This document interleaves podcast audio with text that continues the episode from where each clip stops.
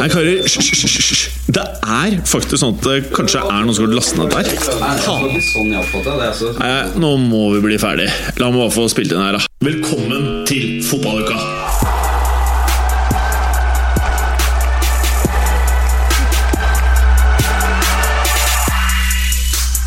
I dagens fotballuka Vi skal jo selvfølgelig gjennom eh, Europa. Og i Europa så har vi Bundesliga. Vi har Liga. Vi har La Liga. Og vi har Serie A. Der er den! Og så skal vi jo se hva som skjedde i Premier League. Mm. Manchester City tok imot Tottenham. Var det noe særlig til kamp? Jeg vet ikke, jeg. Vi får høre med gutta.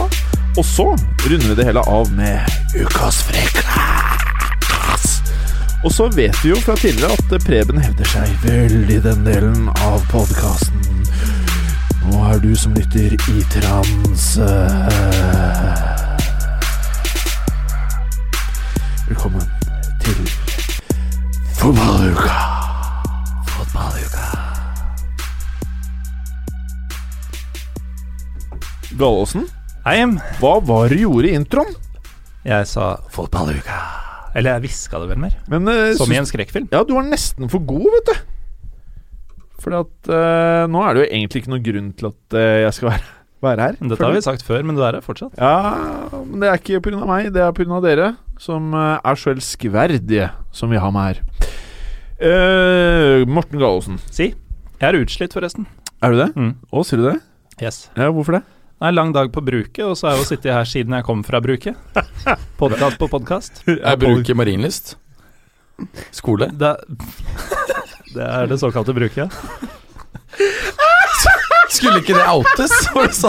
Det ble outa ved en feiltakelse en gang tidligere, av deg. Det er jo min gamle skole. Du, du er jo kollega med min gamle, min, min gamle klasseforstander. Kontaktlærer, unnskyld, er det vel det heter i moderne verden? Men uh, Galesen Fra bruket og til noe helt annet. Til å bli most av Berger. Jeg tror det er Monstad Berger.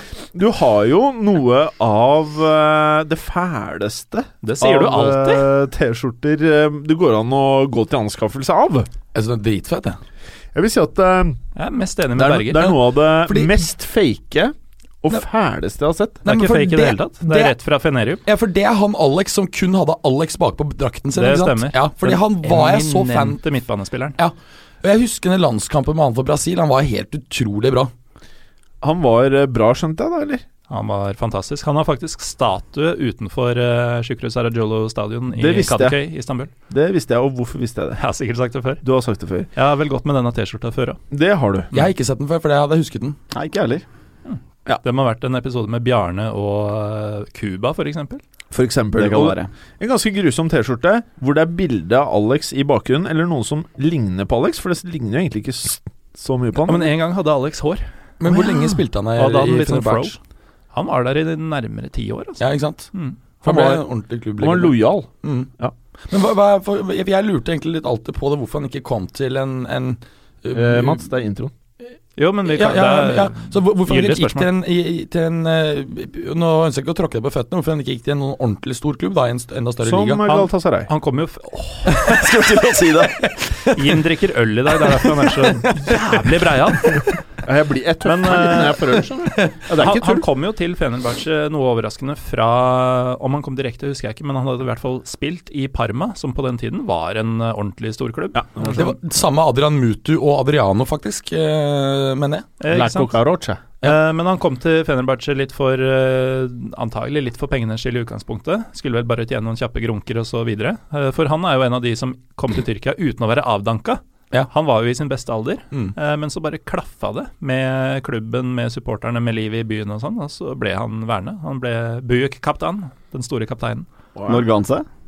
Han eh, ga seg for så vidt ikke, han måtte dra fra klubben etter en disputt med trener Aykut Kujaman, eh, som han tapte. To klubblegender eh, mot hverandre. Eh, og han dro grasiøst nok, uten å kommentere saken, eh, til eh, Curitiba i Brasil, hvor han spilte et par sesonger og fortsatt herja. Mm. Tilbake til oss, Jim. Preben. Preben, vi går over til deg. Ja. Um, eh, det, Jeg har avtalt med Berger i dag. avtalt? Skjorta. Å ja, fader, dere er jo Klin like i dag. her! Og dere high fiver i studio. Ja, ja, ja. Fansen får ikke se det, bare Nei, hører det. Den ser veldig bra ut. Ja, det ser veldig bra ut. Kanskje det ljoma i eh, bakgrunnen? Du, føler ikke du at du har prata nok nå?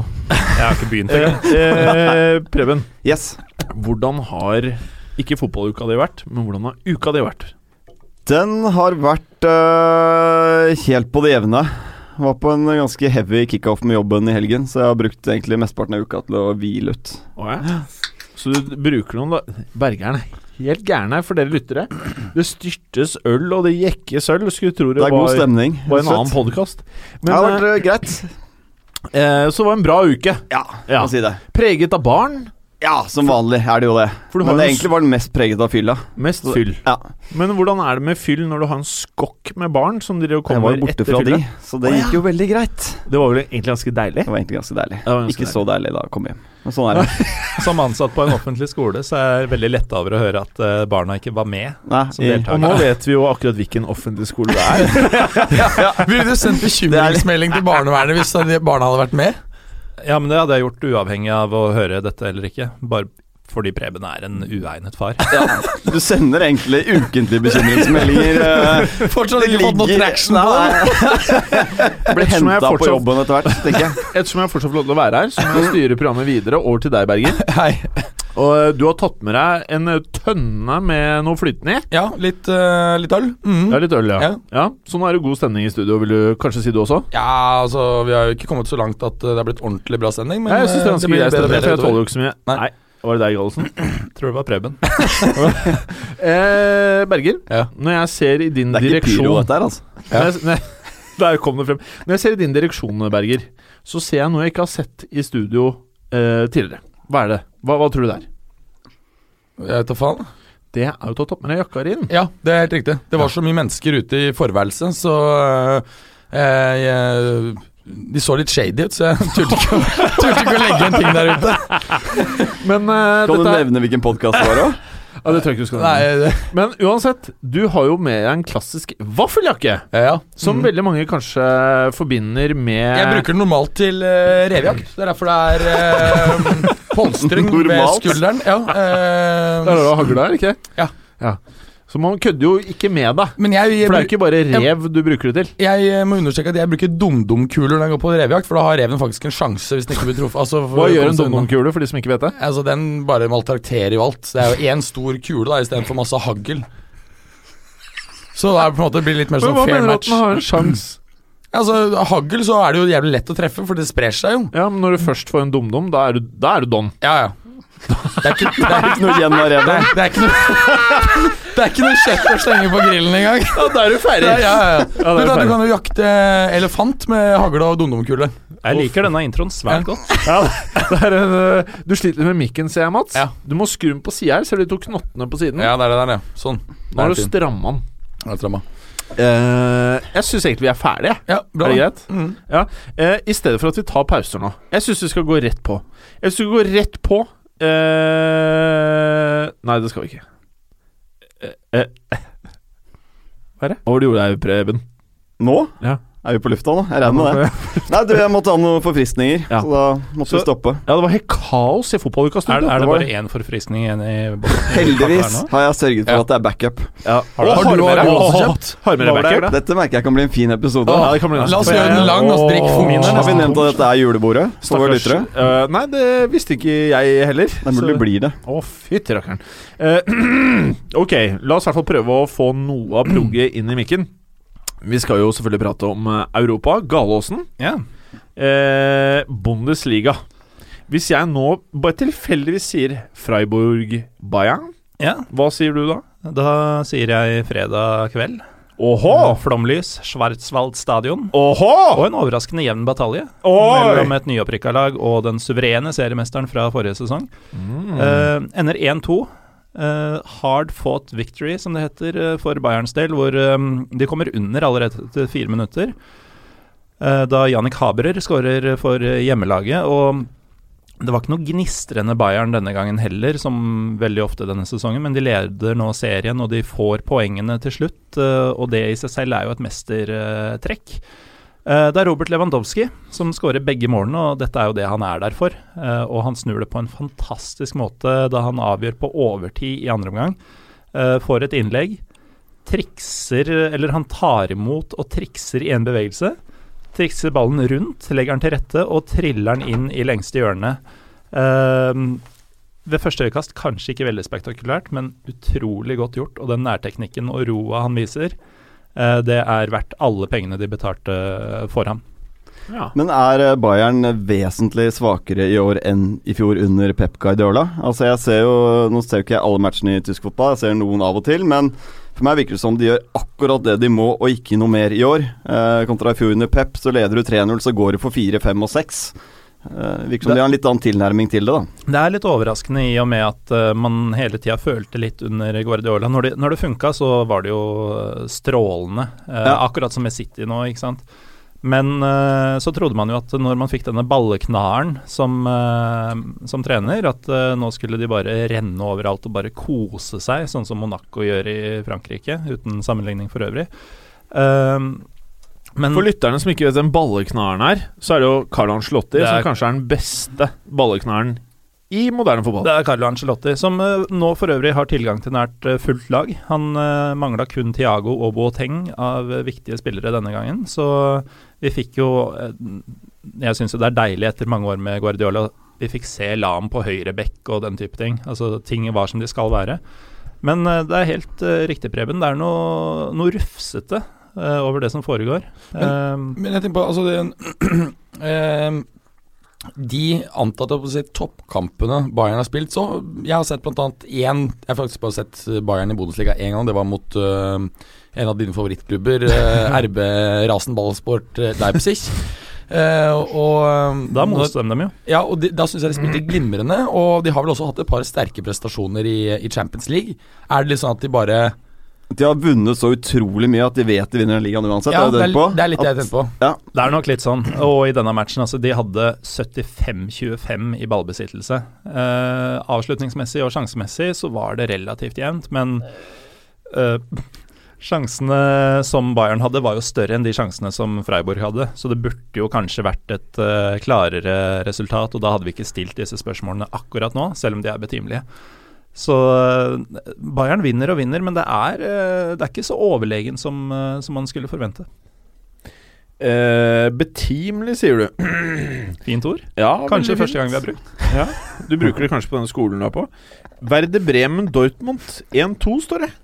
Ja, eh, litt lignende opplegg, egentlig. Altså, Dortmund vinner 2-1 på bortebane i en eh, vanskelig match. Det så veldig enkelt ut i starten. Eh, Ba- Bremen var ikke med i det hele tatt de første 20 minuttene, og Dortmund tar ledelsen allerede etter fem minutter. Da Schürrle kommer alene gjennom, runder keeper og iskaldt setter han i mål. Det var jo for øvrig et eh, Dortmund som mangla Aubameyang, som var i Afrikamesterskapet.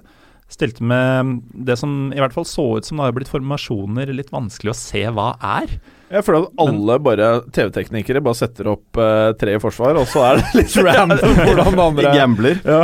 Mens uh, i praksis så så det veldig ut som om Schurle og Royce uh, spilte på topp.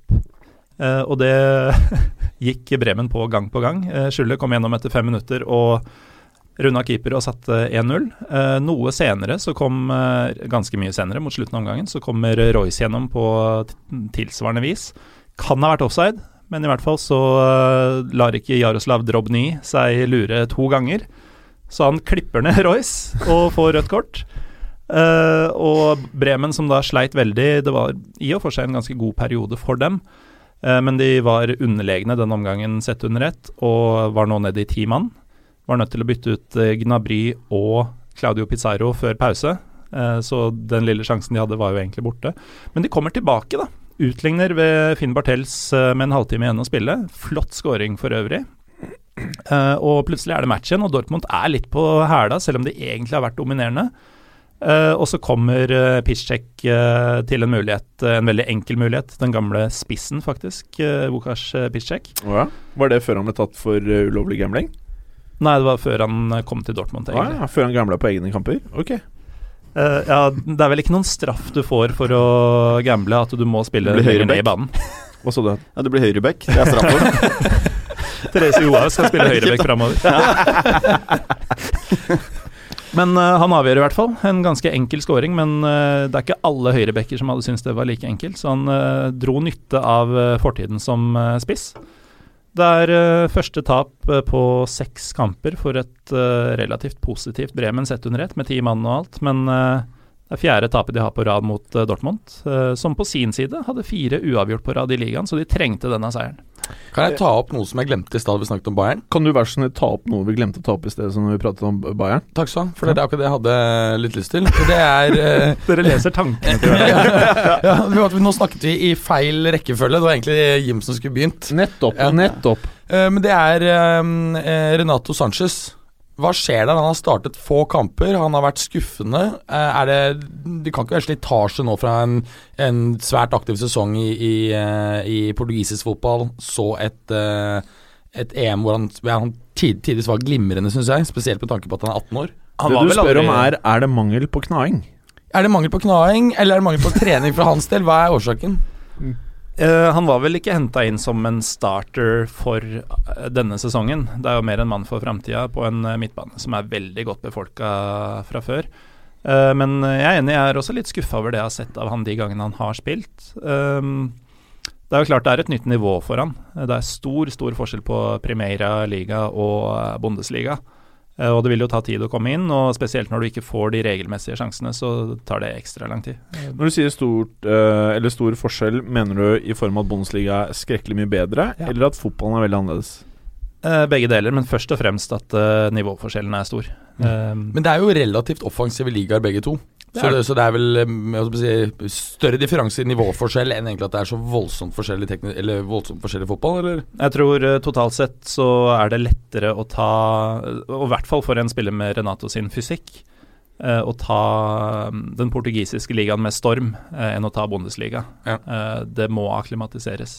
Du pratet om Piszczek, høyrebekk, Si. som har vært spist spiss tidligere. Mm. Hvilken annen uh, høyrebekk var det som starta som spiss, men som nå ikke spiller høyrebekk, spiller midtstopper? En av verdens beste. Berger, Du vet hvem jeg tenker på? hvem da? Er det en som Ramos. Ja, Ja, ja, Sergio Ramos. Sergio Ramos, Sergio Ramos. Eh, Jeg husker en uh, herlig fyllekule med Jimmeren uh, på Bjørung for en del år tilbake. Jeg husker aldri herlig fyllekule. Nei, hvor, hvor Jim, Jim mente at eh, Og det var før jeg på en måte hadde blitt så stor Ramos-fan som jeg er blitt etter hvert. da Ja.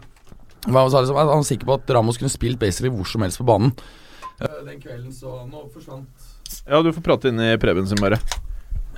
Nei, og da, jeg husker bare siste Jeg husker av den kvelden Det var egentlig at vi skulle på jobb fire timer etterpå. At vi sto med en ekstra stor, ekstra sterk eh, kebab fra Bislett Kebab var en sånn mega jumbo cola i hånden, liksom. Det var en jævlig dag, altså, etterpå. Ja, det var en ganske grusom dag. Men apropos Ramos, så har vel Dortmund mista en Ramos til eh, Kina. Mista, mista. Ja, jeg tror det var ganske solgt. Det var sykt billig. da. 12 millioner eller noe euro. Mm. Ja, men så har de jo også bøffa en Kina, eh, som skulle bli lagkamerat med Ramos. Eh, er? Alexander Isak fra Ja, ja, Sverige. ja. Han Mm. Han var vel med, trodde jeg, klar for eh, Real Madrid, og så plutselig så ble han presentert i Borussia. Ja, jeg tror det er et eh, knallvalg. Men- det tror jeg også. Men og det, føyer seg inn i en vanvittig rekke av tenåringer. men det bevitner seg litt i at uh, han sikkert har gode rådgivere, gjør de riktige valgene basert på de riktige verdiene, i motsetning til visse andre unge eh, talenter. talenter. At ikke han gikk til Ajax, det er jo i dag eh, Det er jo helt Og når vi sier han, så prater vi om en norsk spiller, vil jeg anta. Det er en norsk spiller. Som eh, Kom, kom seg til slutt i ja, da. Men nå kan han si at han har spilt i Real Madrid. Tror du det var målet? Eller tror du han realistisk trodde en alder av 16 at han skulle spille på lag med Ronaldo? Nei, Overhodet ikke. Nei, det, det er jeg ikke eh, sikker på, men jeg tror ikke det var eh, det rent økonomiske. Fordi han kommer fra en, eh, en relativt Men det er ikke gærent å få 20 mill. i året uansett hvilken familie Jeg du har har. enig med det, de regnskapene. Jeg tror de sitter på godt over 100 millioner i, eh, i assets. Ja, så på fem år da Så tjener han like mye som familien har tjent og, hele men liv. det er ikke De er liksom Ja, de er jo sånn pietistisk kristne, så de bruker ikke penger uansett. Nå som dere sitter og deler mikrofon, så minner det jeg meg om sånn søtt, er det? Bård Tufte og Harald Eia-sketsj, Ja. hvor dere er siamesiske Ja, tvillinger. for dere- dere har til og med rutete skjorte begge to. For dere lyttere så streika da mikken til Berger. Så Berger og Preben sitter med kliss lik skjorte. Kanskje vi eh, trenger en tuba? Like litt uh, hår, og sitter uh, vegg i vegg. Jeg holdt på å si skulder mot skulder. Uh, Gallåsen, Ja. Leipzig, Frankfurt 3-0. Jeg tenkte jo at det var en kamp som kunne være lørdagens høydepunkt, fordi Frankfurt har gjort det over all forventning denne sesongen. Ja. Men som så veldig ofte før, så blir en Leipzig-kamp i praksis avgjort de første minuttene. Eh, De har hatt en egen evne til å score tidlig.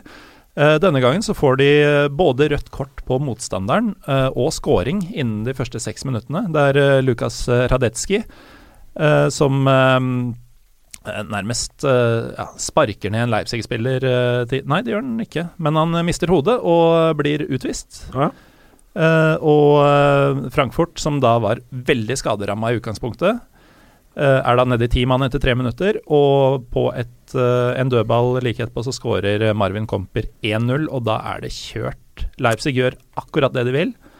Og den der gode gamle klisjeen om at du skal ikke slippe inn mål rett før eller rett etter pause pga. det psykologiske, det kommer selvfølgelig 2-0 på overtid i første omgang.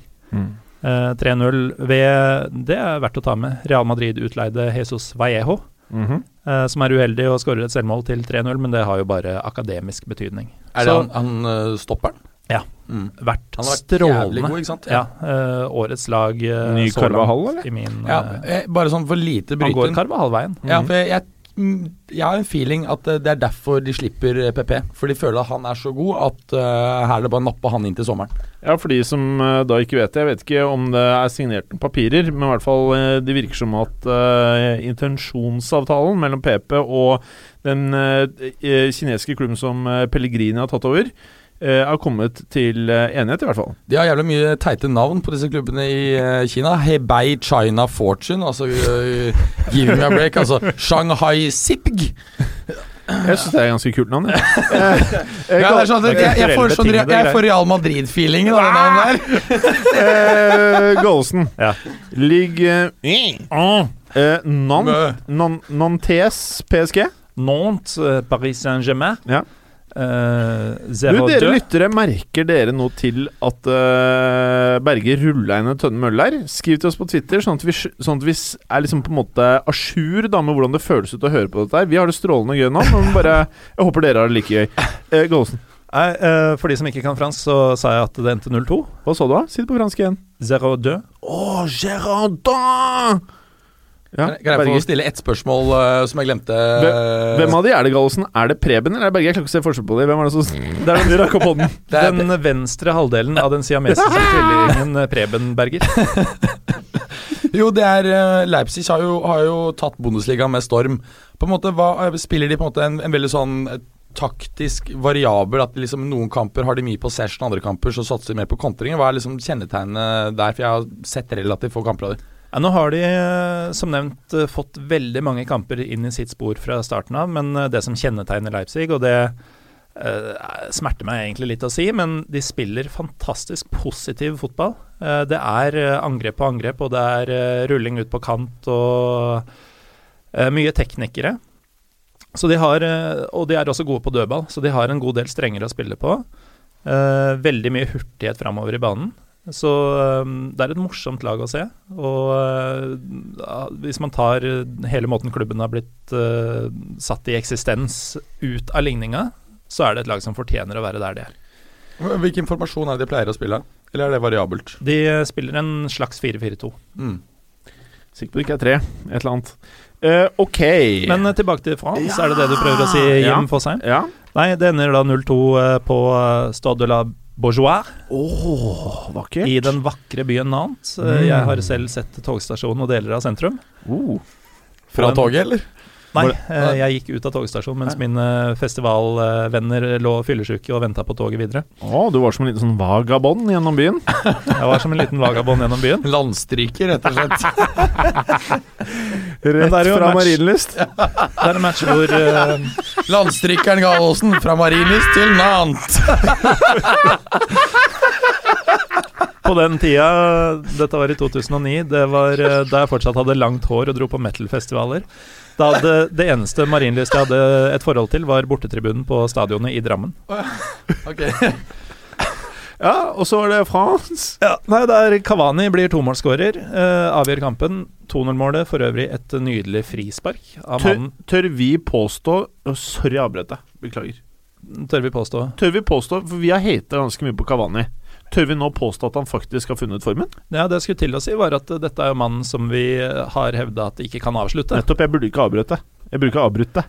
Men han har jo helt Ja. Ja, men Det er han som kommer til uh, siamesiske tvillingene. Jeg skulle ønske lytterne kunne sett Vi har vært inne på det, at han kommer jo til sykt mye sjanser i hver eneste kamp, og han har jo helt fantastiske bevegelser i boksen. Det beste jeg ser av en spiss uh, på toppen altså på toppnivå nå. Ja, Hadde han hatt Lewandowskis avslutningsteknikk, så hadde han vært verdens by far beste nummer ni. Helt riktig. Takk for oss. Rask assessment, rask assessment av Kavani. Ja, til dere lyttere, for, uh, for oss som sitter på andre sida av bordet, så er de må også nærme hverandre når de snakker uh, sammen i samme mikrofon. At det ser ut som de kanskje skal til å kysse. Må utfordre intimsonen. Det er riktig. Men uh, dette var jo et annet som uh, Jeg vet ikke om dere husker uh, den portugisiske vingen Sergio Conceisao? Ja, ja, ja, ja, ja, ja, ja, ja. ja, ja. Et av de vakreste navnene jeg vet om. Ja, veldig pent. Veldig pent. Han tok jo over dette laget i desember, og de hadde vunnet alle fem matchene siden da. Oh, ja, sånn? Eh, Så de var jo ordentlig på vei opp, men de møter jo da et eh, PSG som også er på vei opp og har gjort det bra de siste eh, ukene, etter eh, et par smeller på rad før jul. Og eh, Julian Draxler var imponerende igjen. Han starter angrepet som leder til 1-0, og han er tydelig spillesugen. Han vil vise seg fram, som vi har uh, trodd at han ville være. Uh, og da kommer også det ubestridte talentet til uh, overflaten. Så um, var det jo også en stor snakkis da at Verratti han fikk gult kort. Er det noen som så situasjonen? Nei. Ja. Men jeg Hva- hørte noe men, at det var noe rart. Men Hva jeg, fortell. Hva skjedde, Jim? Nei, kan ikke du bare ta det? Ja, du bløffer? Nei, jeg bløffer ikke. Nei, han uh, la seg ned, eh, sånn at han kunne stusse ballen tilbake til keeper, så han kunne plukke den opp med henne. Ja, ja men Det er ikke ble- det lov, da? Uh, jo, altså, det ble jo ikke Han fikk jo Det var Verratti som fikk det gule kortet. Hadde Ja, ja. det ikke vært lov, så hadde jo keeperen fått det. Så det ble jo da regna som usportslig opptreden. Jeg synes det er rart. da. Hvis du har tid til det, så er det greit, tenker jeg. Det var en absurd situasjon, og det litt uh, morsomme er jo at uh, han skulle jo hatt et gult kort til seinere i kampen for en he mer normal forseelse. Uh, men Dommeren noen, noen har da hevdet at dommeren ikke turte fordi han tenkte at det ville vært litt i overkant. Mm. Men fin seier for PSG, og de er fortsatt med i racet. I Ja. aller høyeste grad, faktisk. Eh, så er det disse herre Lionensens og Marseille. Ja, til alle eventuelle Marseille-fans der ute, vet ikke hvor mange det er av dem, så må jeg bare beklage, altså. Hver gang jeg påpeker noe i formen deres, så snur det dramatisk i andre retninga. Det går forferdelig. Ja, etter at jeg sa at Rudi Garcia ikke hadde fått til en dritt, så ble det nærmest uslåelig over en flere ukers periode. Og så sa jeg at de har blitt nærmest uslåelige over en flere ukers periode. Og nå har de to sviende nederlag på rappen, etter at jeg nevnte det. Men dette er jo da Olympico, eller Choc des Olympiques, Åhå. eh, som eh, er et av de største derbyene i landet mellom to av de mest suksessrike klubbene. Og det er ofte sjuke matcher. Det endte 5-5 i 2009. Eh, denne gangen så um, ble det da 3-1 til Lyon, etter at Lacassette blir tomålsskårer og følgelig matchvinner. Men mer interessant er det kanskje at da lagene møttes i Marseille forrige sesong, så var det første gang de møttes etter at uh, tidligere Marseille-spiller Valbuena signerte for OL oh. uh, Lyon. Uh, og da kasta de jo flasker og andre farlige gjenstander etter han. Jeg vil bare Eh. påpeke at uh, Valbuena er en av de kuleste piggsveisene i fotballverden. Eh, halvskalla, litt sånn vått. Eh, vått hår blanda med litt gel. Eh, apropos det, er det noen av dere som har sett den der filmen eh, med kona hans? Nei, men jeg kunne godt tenke meg å sette den. Ja, jeg også. Mm. Ja, kan, Da må jeg du har en Karim som vi kan ringe. Ja. Eh, men kom ikke også Memphis på her? Um, uansett, for å fullføre uh, Valbuena-delen, så er det han som åpner uh, skåringsballet like før pause. Og det er jo det som uh, kanskje virkelig setter i gang uh, Lyon, som uh, går ut i 100 i andre omgang. og Det er Lacassette som setter 2-0 før uh, Doria utligner, nei, reduserer for uh, Marseille. Lacassette setter spikeren i kista like etterpå. Han er oppe i 17 totalt nå. Um, Lyon er nummer fire. Ja. Men eh, de tar innpå NIS, som f- de ligger på andreplass. Men uh, jeg har jo hevda at uh, NIS på en måte er målet til Lyon, uh, fordi tredjeplass gir eh, eh, kvalifisering til Champions League. Og eh, PSG og Monaco kommer de ikke til å ta igjen, men NIS har begynt å se menneskelig ut. Klarte bare 1-1 på Korsika mot eh, Bastia sist. Ufattelig Ja, det å se var- et menneskelig NIS. Ja, det er kjempekjipt. Men, men um, Lacassette har 17 i ligaen bare alene, ikke sant? Ja, og Ja. Cavani er 20. Mm. -hmm. Ja. -hmm. Uh, Umtiti uh, var ute og sa noe om uh, Lacassette her, leste jeg. Uh, om at eh, nå til sommeren skulle endelig da Lacassette skifte klubb. Så får vi se det Hørte den før, Hvor, sa folk. hvor tror du han går, da? Jeg vet sannelig ikke. Jeg bare føler at eh, Jeg tror ikke han går til Spania. Jeg føler at alle klubbene der liksom eh, er satt i den posisjonen. Eh, og så har vi jo et lag som ikke helt har mestra det med sin franske spiss, da. Atletico, Mm. men uh, jeg ser det ikke. Jo, men jeg, jeg, det ikke. tror, jeg tror Grisman fort ender opp med å gå til sommeren, og da kan han være en perfekt erstatter, selv om han selvfølgelig er en litt annen spillertype. Ja, ja, usikker, usikker, men det er alltid en eller annen taker i England. Eh, Så Altså, jeg tipper England. Han uh, Jean-Michel Ola, presidenten i Lyon, var jo ute og sa er her at, uh, at Ja, han er fett. Fett navn nå. Uh, Aulas. Uh, Ola, ja. Jean-Michel Ola. Han, han sa jo at altså, Westham bød 40 millioner for Lacassette uh, forrige sommer, og nå vil han ha 70 minst. Jeg vil at Lacassette for 70 millioner euro i dette markedet her, det er en, et kjempekjøp. Det er Kjempekjøp eller altså. kjempesalg? Det er kjempekjøp. Hmm. Han er 25, han hamrer inn mål. Jeg tror han kommer til å være dritgod i, i Det hvilken er som ikke helst liga. et kjempekjøp nødvendigvis. Det er mye penger. Eh, Du får noe annet. Mye kosta han der Dembélé på Dortmund, da?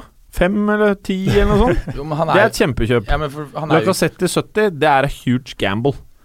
Men kan jeg bare ta med at uh, Monaco som vanlig måker over motstanderen sin, eh, Ja, du som, den, som denne gang var Lorient. Er det verdens beste klubb akkurat nå? Akkurat nå! Verdens beste er nok å ta i, men eh, det er verdens uh, morsomste å se på. Ja, okay. uh, I hvert fall Europas. Fordi jeg tenkte nå et snitt på over tre Barca mål er per ikke på topp, Real er ikke på topp, Atletico er ikke på topp, ingen i England er på topp, kanskje litt Juventus.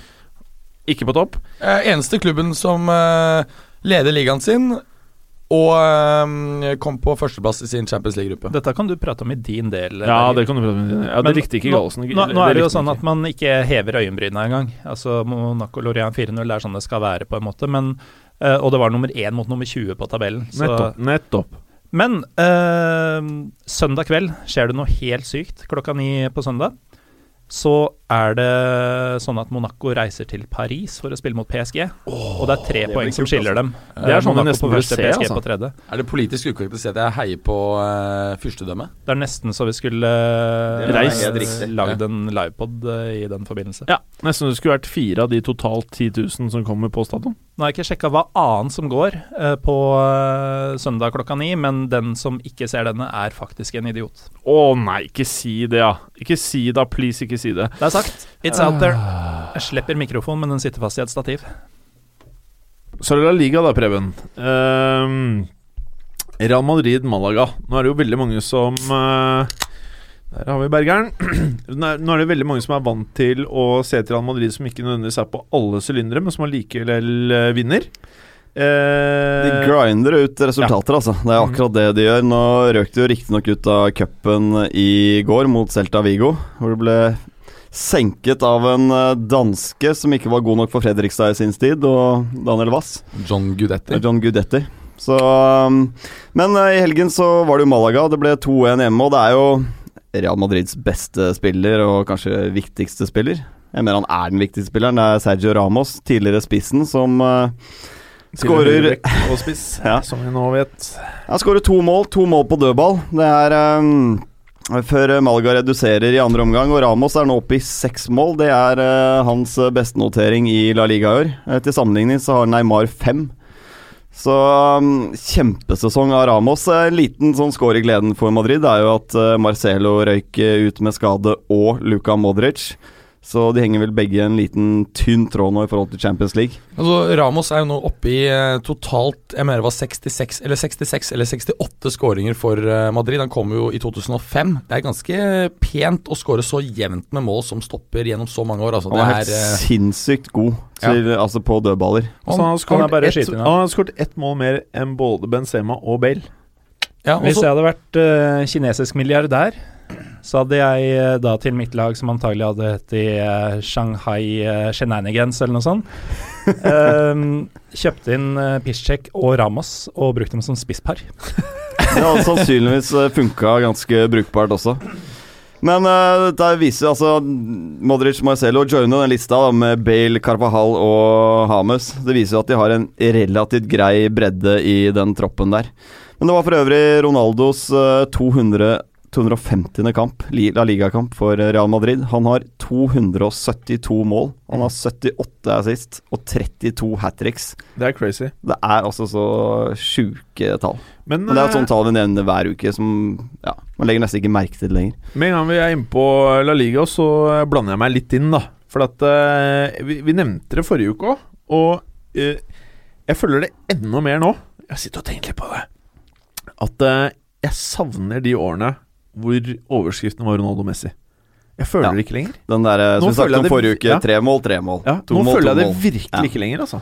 Nei, men altså, de har jo litt digg? At, Nei, nei, nei, nei, nei jeg, men jeg det, likte jeg, jeg, det. jeg tror vi må se altså, Jeg likte at vi hadde to Michael Jordaner. ja, men altså, Målskåringsmessig så må vi innse det at disse eh, spillerne har peaket. De, de vil ikke komme tilbake til det ekstreme mm, målskåringshyppigheten de hadde på det verste. Altså, Hvor mye var det Messi hadde på det sinnssyke 2009-året? 50 seriemål. Ja, men jeg tror det var 86 skåringer totalt, for han slo jo Gert Müller uh, Mm. uh, Ge- Ge- Gert Müllers Det tror jeg du har rett i. De er nok over den verste perioden hvor de hamrer inn helt Men de inn helt kommer fortsatt til å være de beste i verden kanskje en periode til, men Ja. det er ikke det derre over... At de spilte en annen idrett, på en Ja. måte. Nei. Nei, det er helt riktig. Det, det har jevnet seg litt mer ut, selv om de herja altså, I hvert fall Messi er eh, min mening by far La Ligas beste spiller i år. Han har jo egenhendig båret dette Barca-laget på egne skuldre i hele høsten. Mm. Messi og Ronaldo er uh, de beste, ja. Nei, vi kommer også innrømme Og så det at videre, Messi og så har vært videre. ganske mye bedre i år, altså. Han har det, altså. Nei, men det ble en 2-1 her, og de, de kjører jo bare på videre. De gjør det. Uh, vi var inne på Barca, bare for å ta, kan ta det med en gang. De var jo, spilte bort mot Eibar, på den lille, intime stadion til Eibar. Som visstnok er trykket ned i et høl, så vidt jeg har lært. Um, Hvor lærte du det? på en annen pod. Å? Å, jeg vet ikke hvilken det kan være. Nei, det vet ikke jeg heller. Eibar ligger på. oppe i eh, nordvest, ikke sant? Mm. Men hva er greia? Altså, de har gravd seg ned Nei, det er mye fjell rundt, Ja, så det er visstnok ikke mye plass til å gå rundt uh, stadion der. Det er eh, Det er ikke plass til å utvide veldig mye, for å si det sånn. Så, men det var faktisk Eibar som åpnet den eh, matchen mot eh, Barca hjemme best. Um, og de skapte ganske mange farligheter, og Busquets måtte ut med en skade allerede til ti minutter. Og da så det ganske stygt ut. Uh, Dennis Suárez kom innpå og skulle ta over, og det, men det funka i og for seg ganske greit, for han skårte sitt første mål for Barcelona og ga Barca 1-0. Uh, og derfra ut så, så blir det bare Barcelona. De vinner 4-0 til slutt. Um, Luis Suárez, mest kjent for uh, skåringer, men han har faktisk 50 assist eh, i alle turneringer siden han signerte for Barca, og det er mest i hele La Liga. Jeg, Så- jeg, jeg innrømme, altså, jeg skjønte aldri hvorfor ikke Real Madrid la seg etter han. Uh, hentet Hames for omtrent samme sum, liksom. Han Ja. vært, for han er nettopp så god til å legge opp for andre også. Det er ikke bare en ren sånn der uh, nummer ni som tapper inn. Altså Det er ikke noe Pippo Insagi, ikke sant. Nei, nei, absolutt Eh, ikke. og jeg mener, hadde han sittet der i, i midten av eh, mellom Ronaldo og Bale istedenfor Benzema Jeg beklager at jeg sier det, men jeg, Luis Suárez er jo på et helt annet nivå enn Benzema. Ja, Den pasningen han har til 2-0-mål til Messi, er så strøken at uh, ja, Stor idrett, rett og slett. Så det er jo Messi og Suárez som er toppskårerne i La Liga nå. 15 mål hver. Så um, og Ronaldo følger da på, på 12. Så Barca syns jeg virker bedre nå enn de Altså, Suárez er Han har jo skåret hele sesongen, men jeg syns han er mye mer på nå og involverer seg mye mer enn han gjorde bare for en måneds tid siden. Men det var det vi prata om når uh, flere i Fotballuka Studio uh, pratet om at uh, Barcelona virket som om de kanskje ikke kom til å ha den beste sesongen. Men det er det her vi ser med de beste lagene i verden. De, de kommer alltid tilbake, for du har de beste spillerne. Så det skal ganske mye til da før det er total rakning. Jeg er helt enig, og, og det som også er interessant, det er hvor raskt det på en måte bildet av hvordan eh, styrkeforholdet her endrer seg. Fordi Ja, nå vil ja. jeg si at uh, Barca for meg er større favoritter til Champions League enn Real, fordi de har spilt så bra nå. Men ikke, ikke for deg som er med i fotballuka, som kan fotball. Som vet jo at eh, liksom to-tre kamper er jo ikke en hel sesong. Helt riktig. Ja. Ehm, og, og, det er er derfor, og, og det er derfor jeg fortsatt har Bayern som en av mine favoritter til turneringen. Fordi han som sitter og styrer eh, laget der nå, han vet at det har ikke en dritt å si hva som skjer i oktober. Han vet at denne ligaen antagelig er vunnet uansett. Det som skal skje, det er å være i topp fuckings form i mars-april. Tidlig mai. Ligaen har jo ikke alltid vært vunnet uh, uansett for han du nevner, da. Nei, han er jo Og det er nettopp derfor han er ræva på ligaen. Nettopp fordi at han, det han gjør, er jo bare å surre rundt hele året, og så knar han spillerne testikler. Og så er de, er de i psyko-form når du kommer til sluttspill Champions League, og så vinner han turneringer. eh, Ikke sant? Uefa-cup med Parma. Eh, Champions League her og der. Altså Han er fantastisk på eh, turneringsspill. Jeg tror aldri noen har forklart Ancelottis uh, cupformel eh, med de orda du akkurat brukte. Nei, Aldri bedre beskrevet heller. nei. Uh, er det noe mer fra Spania, Preben? Ja, Jeg tenker vi ta med Osasuna Sevilla, som ender uh, 4-3 til Sevilla i en helt sjuk uh, fotballkamp. Altså bunnlaget, altså desiderte bunnlaget Osasuna. Eh, det skulle- trener hos eh, Sevilla, eller? Ja, Det er det, altså.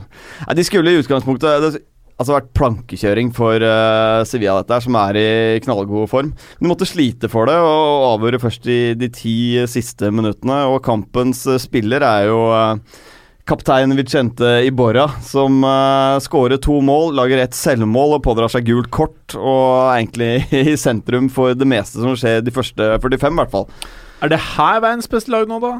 Nei, Nei. det er ikke Sevilla. Altså med den stilen de har, så vil de gå på noen smeller utover sesongen. Altså Jeg er dessverre redd for at de faller av de siste to månedene. At det blir nok et race mellom Barca og Real Madrid. Eh, det siste laget vi tippet oppi der, var jo Atletico Madrid.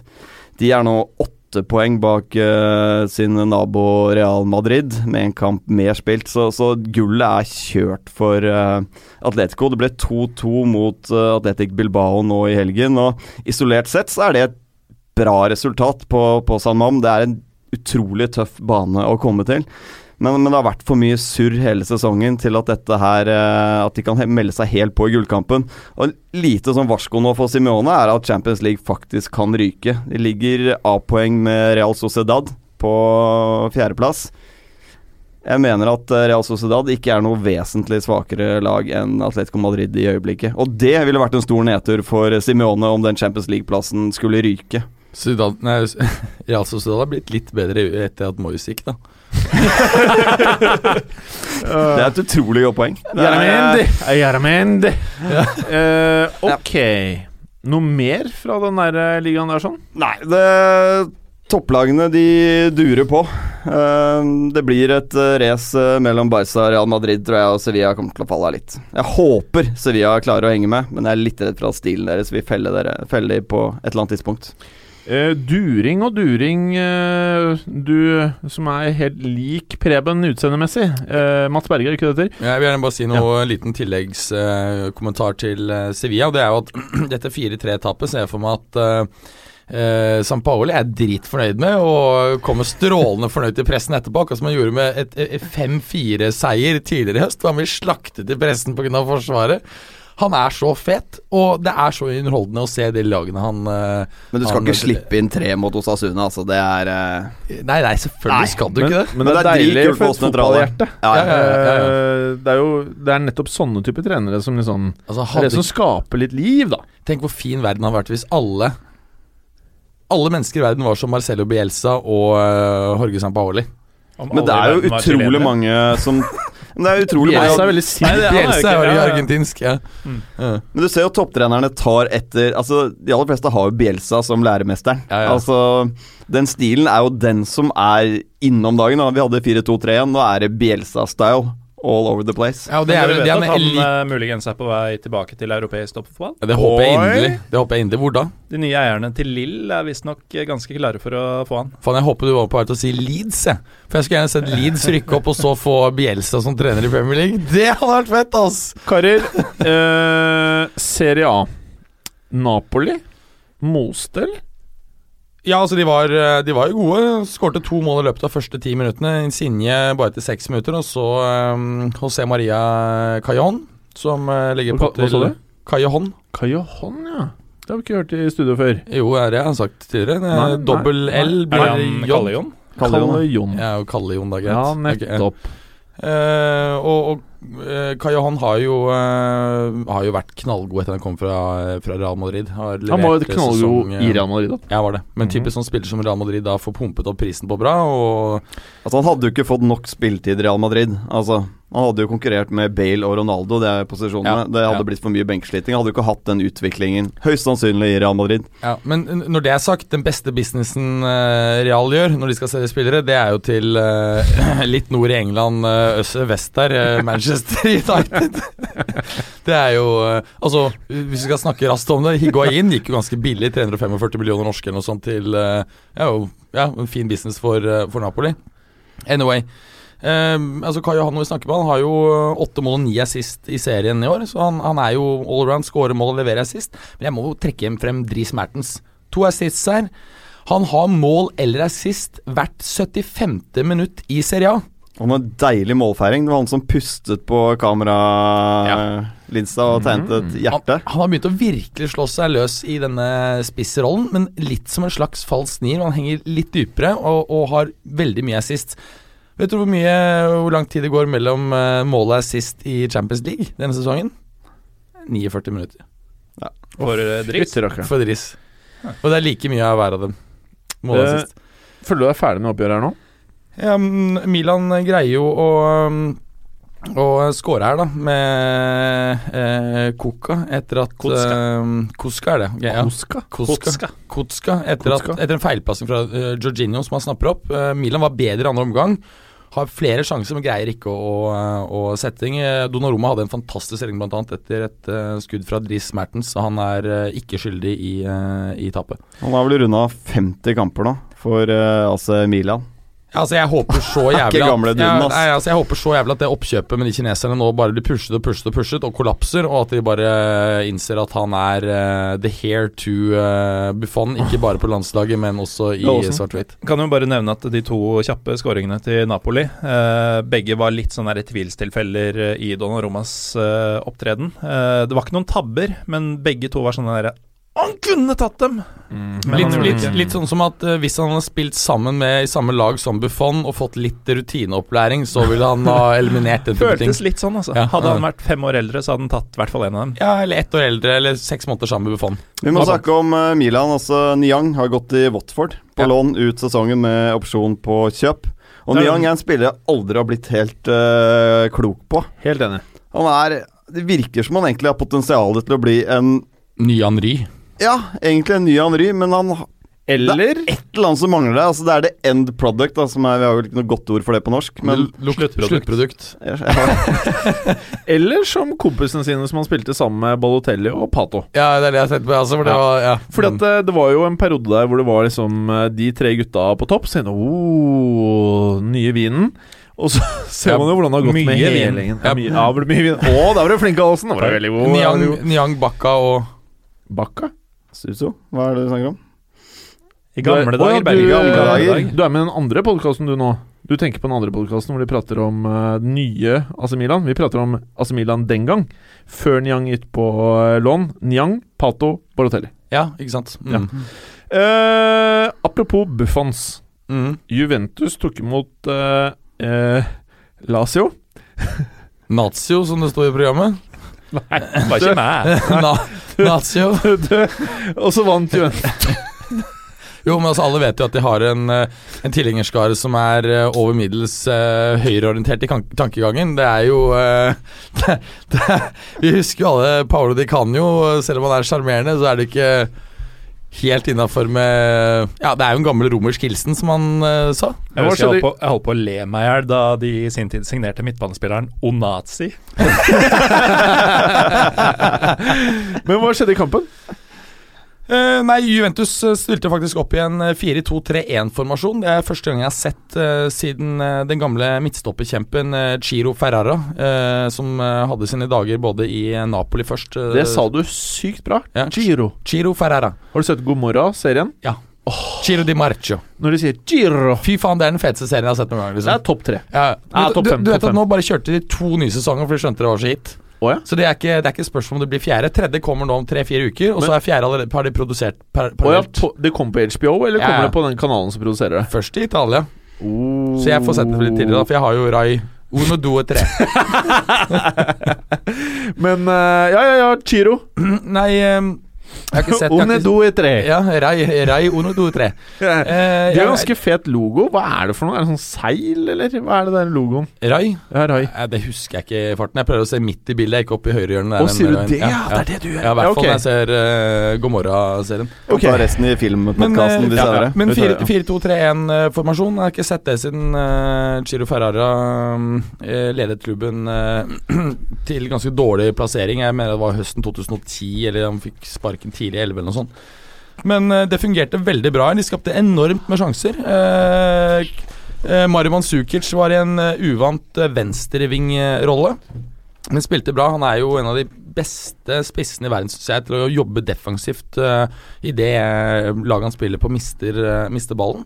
Eh, målene her kommer tidlig. Dybala skårer etter eh, fem minutter. Higuain etter 16. Higuain hadde også et, eh, etter mitt skjønn eh, feilaktig annullert mål senere. Og det var mye sjanser. Bra trøkk. Eh, så Juventus leder jo fortsatt uh, og har én kamp mindre spilt i, i tillegg.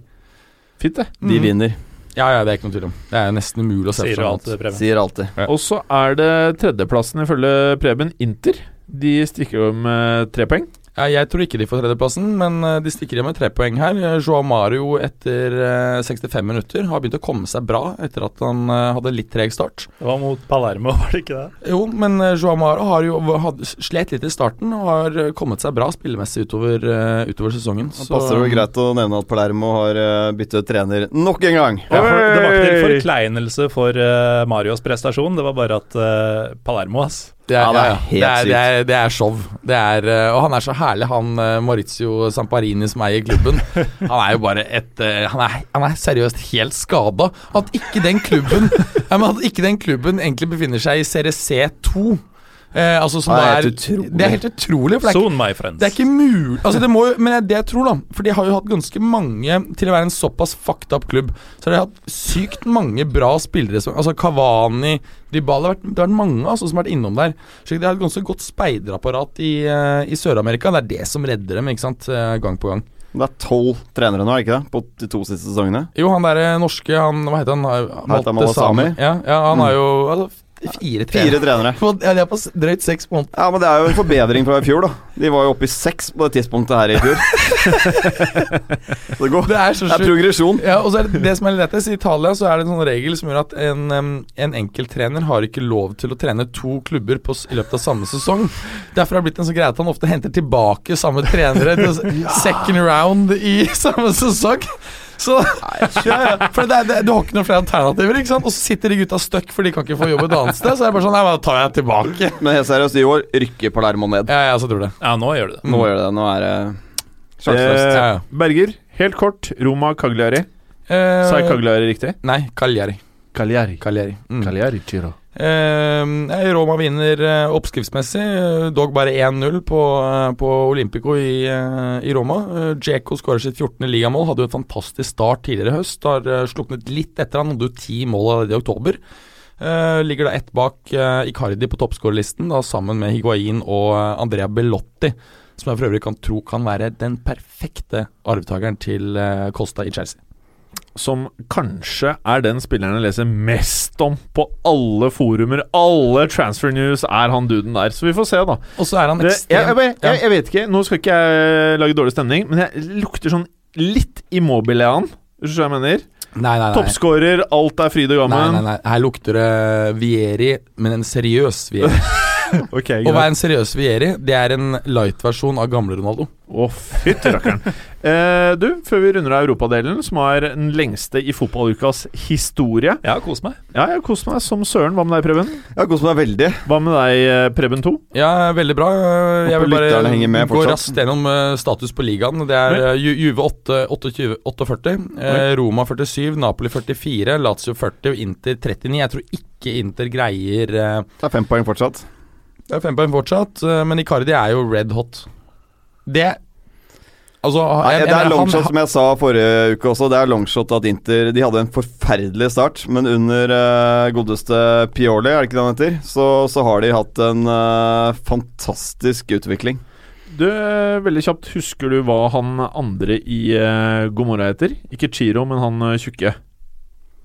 ja, han som drar til Honduras og dealer med de gutta. Ja.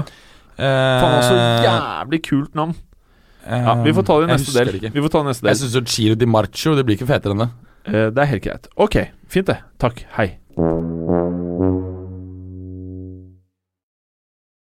Oh, nå har vi kommet til Premier League, eh, monsieur Gallosen. Mm, Eh, Premier League. ja, hva hvis, hvis eh, du ikke hadde sett eh, programmet, hva hadde du tippet som eh, hovedkampen vår?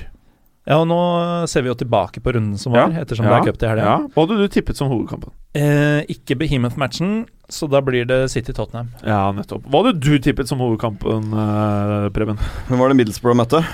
Westham. det- West Ham. West Ham, ja. Mm. Hvem hadde du tippet som var hovedkampen fra forrige runde, Preben 2? Eh, Liverpool-Swansea, selvfølgelig. Altså, det, er, egentlig- altså det er den baskiske løven mot eh, Mot Liverpool, liksom. Ja, det er Men jo det vi selvfølgelig skal nummer én. prate om, er faktisk det Gallosen sa. Det er Manchester City-Tottenham. Var det det? eller? Ja, det var det. Det var skudd fra hofta. Jeg trodde ikke det var den. Hvorfor, eh, Gallosen, vil du si at eh, denne kampen eh, var så bra? Hvorfor den var bra? Jo, det er jo Den var jo eh, mellom to eh, antatt, og ifølge tabellen fortsatt i virkeligheten, topplag. Eh, det var en managerduell som eh, lukta svidd, og det var en eh, kamp som skapte mye sjanser og hadde høyt tempo. eh, en del skåringer, som vi ikke alltid får i disse antatte toppkampene. Eh, ender 2-2 for de som ikke har fått med seg det. Da, du, da er det rart at du hører på fotballuka, at du ikke veit det allerede. Men eh, jeg blir jo imponert av hypereffektive Spurs, da. Som eh, De blir jo herja med i store deler av matchen, og de er under eh, 2-0. Eh, de to eneste avslutningene de får på stakkars eh, Bravo, de går inn. Så de får 2-2. Det betyr for øvrig at de siste seks skudda som har kommet innafor stengene mot eh, Bravo, har Han er så dårlig. ass. Altså, han har ikke reddet dårlig. et skudd siden 2. januar.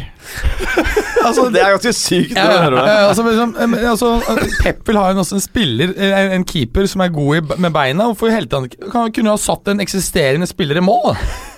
Da Ja, det, det har jo Jeg kunne, med, kunne ha satt eh, kompani, da hadde ikke blitt skada heller. men det har noe med det vi snakket om eh, forrige uke også, mot da de ble most av Everton. Altså Det har jo noe med at de sjansene motstanderen kommer til, er jo ganske store. Stort Ja, sett. det er altså, sånn alene- det er ikke noen ja. tabber Nei. Bravo gjør her mot uh, Tottenham. Den til Dele Alli, null sjans. Uh, den til Son også. Det er en liker- jævlig bra avslutning. Ja, men jeg liker å Eh, være kritisk eh, mot Det er jo jævlig morsomt at han eh, Ja, Det var ikke sånn at den skulle tatt disse, men det er jo veldig påfallende da når alt faktisk går inn, bokstavelig talt. Men det sier litt om det kollektive forsvarsspillet for min del. At uh, når de motstanderne kommer til sjansene, så er de så jævlig svære. De klarer ikke pakke rundt egen 16, da. Så det, sjansene blir liksom Det er utagbart. Men er ikke det fordi at de ofte står høyt med forsvaret? da? Så når du først kommer deg gjennom, så blir det en gigasjanse. Ja. Men det, er litt, det var litt kult i den kampen her, for den taktiske Det var en taktisk eh, battle, dette mellom Guardiola og Pochettino. Og Det er, den ikke, eh, det er ikke meningen å avbryte, Preben, men siden vi først er på keepere, så Ja. må vi jo nesten nevne, siden vi kødda litt med Bravo, som egentlig ikke kunne gjøre noe med disse målene. Loris hadde jo en stinker. Han uh, dreit seg ut på begge måla til City, så rett skal være rett. Det er riktig. Og det er vel på tross av at han har vært kanskje den beste um, keeperen i eh, ligaen i år, eller? Synes jeg iallfall. eh, ja. Ikke mist opp mot, i hvert fall. Ikke mist poenget ditt. Uh, Nei, men det var jo en taktisk match, dette her. Det er jo to veldig gode taktikere uh, på hver sin trenerbenk her, og den vant Guardiola glatt, rett og slett.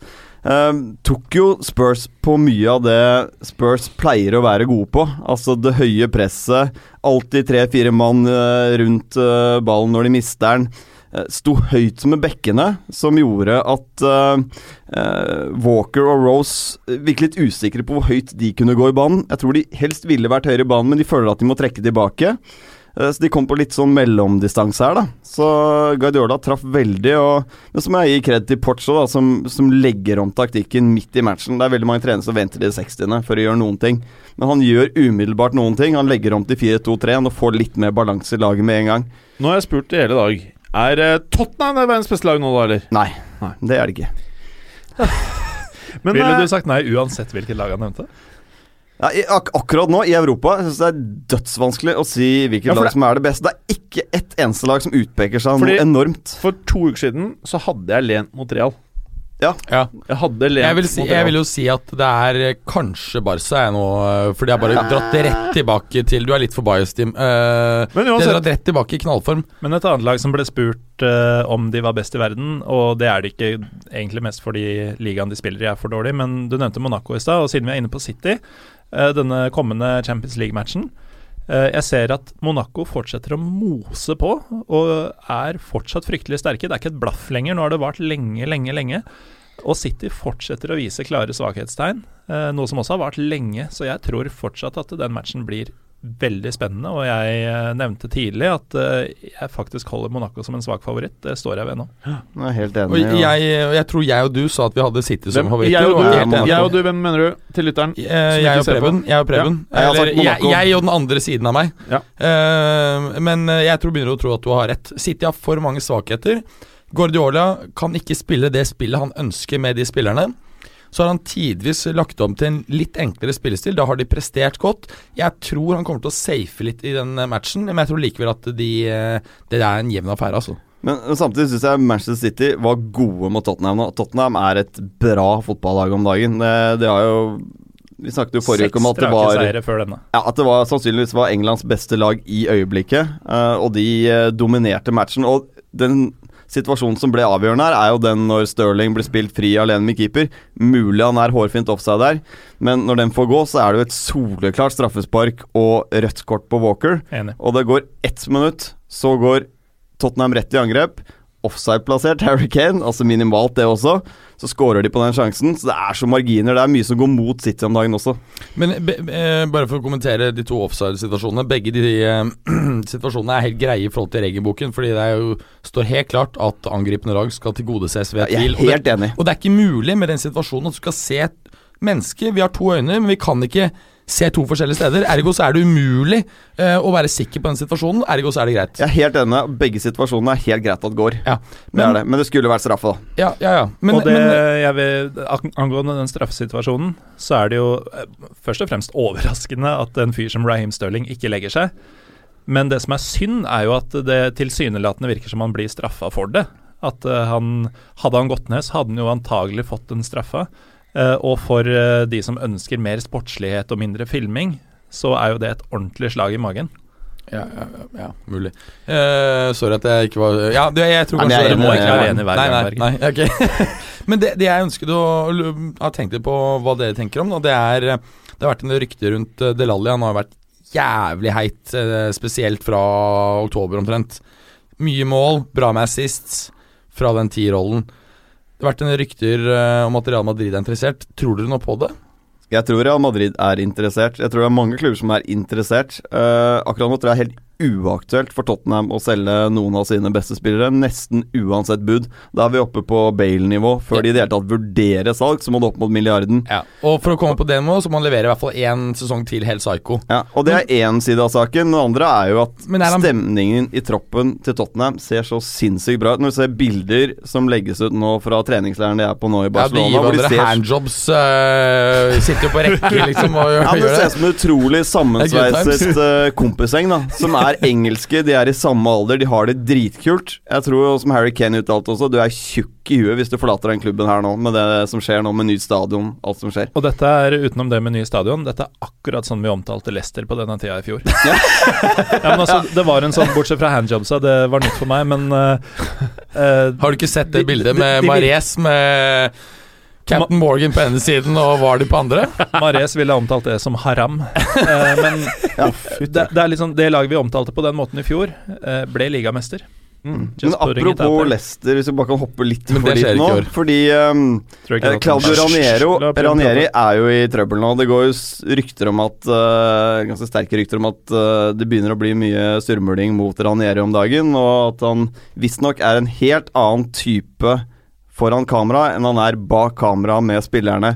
Og Han er mye tøffere, sånn, tøffere, ikke sant? Ja, den ego-greia og den tøffe stilen funker bra når du vinner fotballmatcher. Når du begynner å tape litt matcher, da går det fort til helvete. Du kan ikke være soft når du begynner å tape matcher, da må du være enda hardere. Men hvis du da har vært for hard på forhånd, så har du ikke noe å gå på. Men spørsmålet er jo om Leicester skal kvitte seg med Raniere, da, hvis de kommer veldig nærme linja. Bare for å kommentere veldig raskt. Altså, jeg tror jeg blir litt sånn som da Swansea sacket uh, Gary Monk. Du blir offer for dine egne tidligere prestasjoner, overprestasjoner. Uh, så det vil være latterlig. Men uh, bare for å fullføre dette med Delali. Er Delali en oppgradering eh, i forhold til Hames Rodriguez? En Hames Rodriguez som ikke spiller, ja. Jeg klarer ikke helt Men det er jo problemet med å se. Nei, jeg vet ikke hvor uh, Del Alli skal spille i Real Madrid så lenge Ronaldo og Bale er der.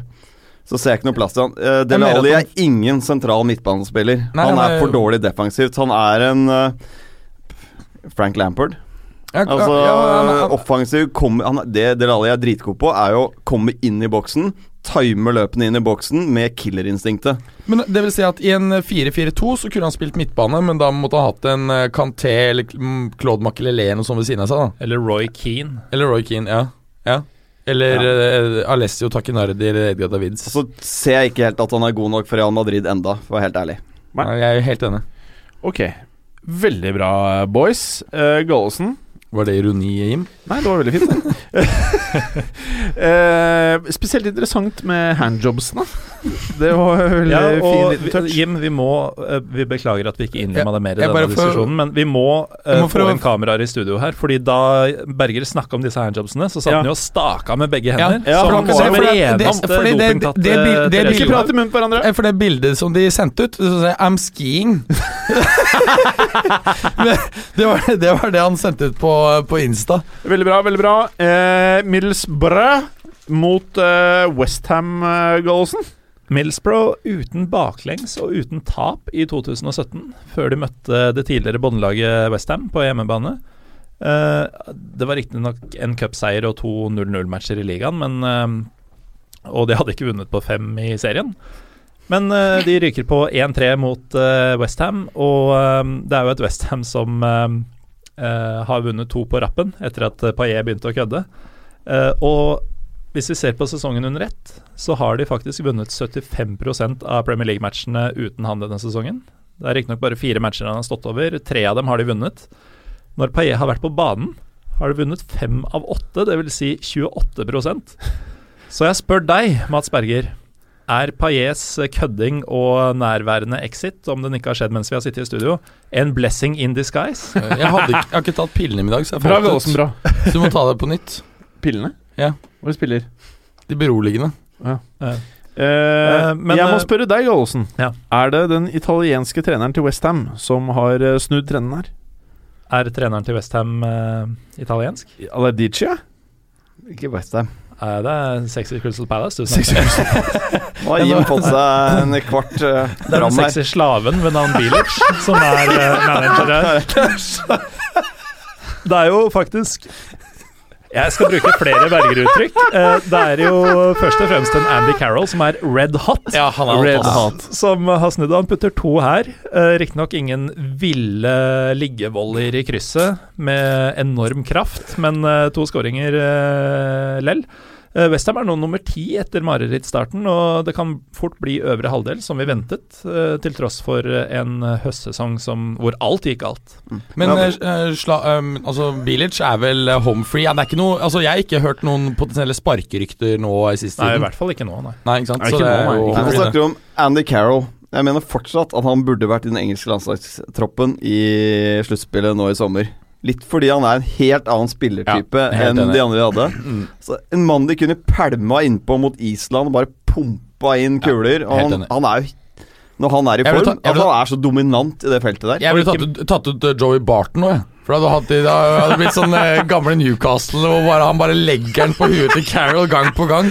Så mange ganger at, at Liverpool ender opp med å betale Hva var det 350 millioner kroner for han? Jeg vil også gjerne ha med James Perch i den engelske landslagstroppen. Hvis han er engelsk, vel å merke. Han kan være skotsk. Eh, Nei, eh, eh, jeg vil gjerne ha hatt med Captain Moore. Husker du? Ja. Var det Hvem var det? Det var Harry Redknapp som sa West Morgan må inn i den engelske troppen. Rent bortsett fra at han har over 30 landskamper for uh, Jamaica. Jamaica. Det er ærlig, altså. eh, Preben, Arsenal-Burnley. Ja, det ble jo en helt sjuk match. Altså Men må ha en viss medfølelse for Burnley her, altså. Det er, eh, det er andre gangen denne sesongen mot Arsenal hvor de blir most langt inn på overtid. Altså, først får jo da mm, Arsenal ta ledelsen, så får Burnley straffe to minutter på overtid, og utligner. Og så er det Korselny igjen, da. Eh, I høst så var det Korselny som eh, henset inn eh, 1-0-seieren eh, på Turfmore. Nå er det Han står jo offside når det innlegget blir slått, og så er det i og for seg greit straffespark når han blir sparket i huet der. Så er det en Panenka da, fra Sanchez, som i det 97. vel, som sørger for at det blir eh, 2-1-seier til Arsenal. Den sitter veldig, veldig langt inne, og det er ikke første gang Arsenal er i et overtidsdrama i år. De har plukket ti poeng ekstra på de siste ti minuttene av kamper eh, i år. Seks mål på overtid har de denne sesongen her. Eh, for meg så vitner det om et lag som de er ikke helt der de bør være. Altså På et eller annet tidspunkt her så mister de de poengene der som de egentlig må ha. Og sånn som topp seks-lagene går nå, så må de nesten vinne hver gang. Men på den annen side så er jo Arsenal et lag som man kanskje ser på som litt sånn mentalt svakt. Jeg vet Ja, ikke helt hvorfor, men man sitter litt med den følelsen ofte, har jeg gjort i hvert fall. Og det å avgjøre så mye på Eller ta så mange poeng på overtid, det er jo et tegn på det stikk motsatte. Ja, helt enig. Akkurat det jeg også tenker på, at dette er et tegn på at et, um, et mannskap som kjemper helt til siste slutt, som ikke gir seg. Eh, men Ferguson, eh, eller? Hva? Det, er- det er akkurat det. Det er uh, Wenger er den nye Fergie. Nei, det er han ikke. Men når de må, så klarer de å skape et sånt enormt trykk i den boksen her. Det var mot Bournemouth hvor de lå under 3-0 også. Husker ikke. Eh, husker Altså- ikke den, nei. Men altså, det trykket de legger på der de siste fem minuttene når de må ha den utligningen, det er eh, Du bare tenker det målet, det kommer. Altså, eh, Wenger han er langt bedre på å skape aksjonærverdier enn uh, å skaffe uh, pokaler. uh, altså Hvis du ser på bare topp fire altså. Men altså Bare, bare topp fire hele tiden, og han derre um, usbekeren gnir seg vel i hendene selv om han ikke Men kan. Crunky, det er Crunky som vil ha dette her. Stan Crunky. Han, det er Ja, perfekt stemmer det. er, det er Ja. usbekeren som vil bruke penger. Og Ja, Usmano, ja. han vil bare ja, ja, ja, ja. Det er er perfekt. Klubben tjener penger. Ja, ja. Uh, Supporteren er sånn rimelig fornøyd. Ja, og perfekte treneren. Og pga. globalisering og Kina så stiger prisen på klubben bare én vei, og det er upp, upp, upp. Men vi må nevne bare uh, Jo, men det, var, det var jo sånn der, Hvor svenskene kødda med Norge i 2000, jeg husker før eh, resesjon, altså finanskrisen. Ja. Så var det sånn Nei, Oslo Børs den kan bare stige, og den går upp, upp, upp, fordi oljeprisen kan bare stige én vei. Men så snur det jo, da. Vi må sa, nevne Granit pup, pup, pup. Men kan jeg få ta opp én ting mens jeg Nei. husker på det? Ja, etter deg, beklager. Nei, men altså Den utvisningen han får, da Den er jo ikke spesielt stygg, men det er jo på en måte måten han går inn i taklingene på. Den taklingsstilen han har. Det gir jo dommerne anledning til å gi han rødt kort. Han får rødt kort igjen nå. Og Det er, hva er det? det er hans niende røde kort på de tre siste sesongene. Ja, og Altså- øh, andre i Premier League. Og um, sammenligna med Patrick Vieira, som fikk åtte røde kort i løpet av karrieren, så um, La meg si sånn, her på, Han har vei til å slå alle rekorder, fordi Patrick Vieira har denne rekorden øh, sammen med to andre. Ja, Men det er så unødvendig, den utvisningen han får òg. Ja, Apropos er, eh, eh, for, fra en som har fulgt Bundesliga gjennom noen år, han er kongen av unødvendige utvisninger. Ja, ikke sant. Mm. Mm. Jeg jeg, jeg, jeg syns jo at han var mye bedre da jeg har sett ham i Bundesliga uh, tidligere. Apropos eh, Nazio. Uh, Chaka ble beskyldt for å være litt uh, ufin på flyplassen, skjønte jeg. Han har blitt beskyldt for å komme med rasistiske eh, bemerkninger, og ble faktisk da dratt inn til eh, avhør av politiet.